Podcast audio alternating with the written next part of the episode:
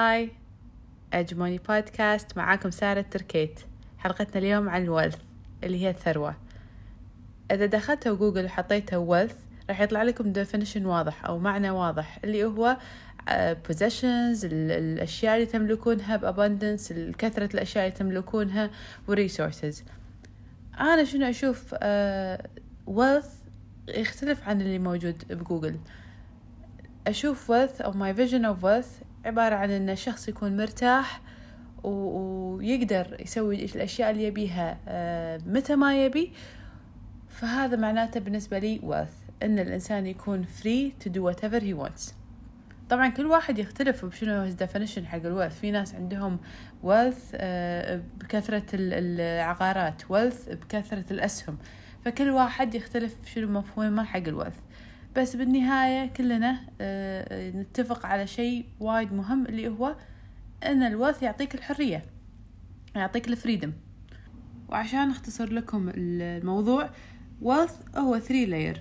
ال layer الأولى اللي هي foundation اللي هو أساس ال wealth يكون spending plan emergency fund security fund و insurance هذا هو الأساس.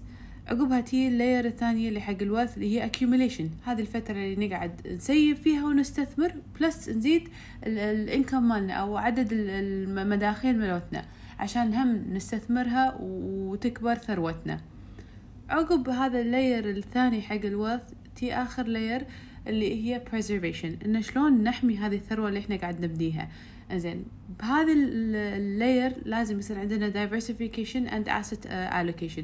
شنو معناته؟ إن الناس لما تي uh, تبي تستثمر تستثمر بأكثر من قطاع وبأكثر من investment tool مو يكون كله بأسهم ولا كله بعقار ولا كله فلازم يصير في diversification عشان إذا هذا مرض إلا عندكم شيء ثاني اللي يساعد في النمو إلا يعني بالنهاية إنه المحصلة كلها راح تساعدكم بإنماء الثروة مو إن كل فلوسكم في مكان واحد وممكن تخسرونها. لا تقولوا لي ما أعرف أستثمر آه، ما أعرف شلون أسوي الشيء اللي أنت قاعد تقولينه. كملوا سمعوا البودكاست شوفوا الإنستغرام posts آه كلش كلش آه سووا your own research ask listen and read. المهم إن أنتم يصير عندكم هالمعلومة. أنا الشيء اللي قاعدة أسوي انه قاعدة أحاول أعطيكم ملخص المعلومات وبسلاسة وأحط لكم إياها points bullet points. المهم عشان ما أطول عليكم Happy Women International Day.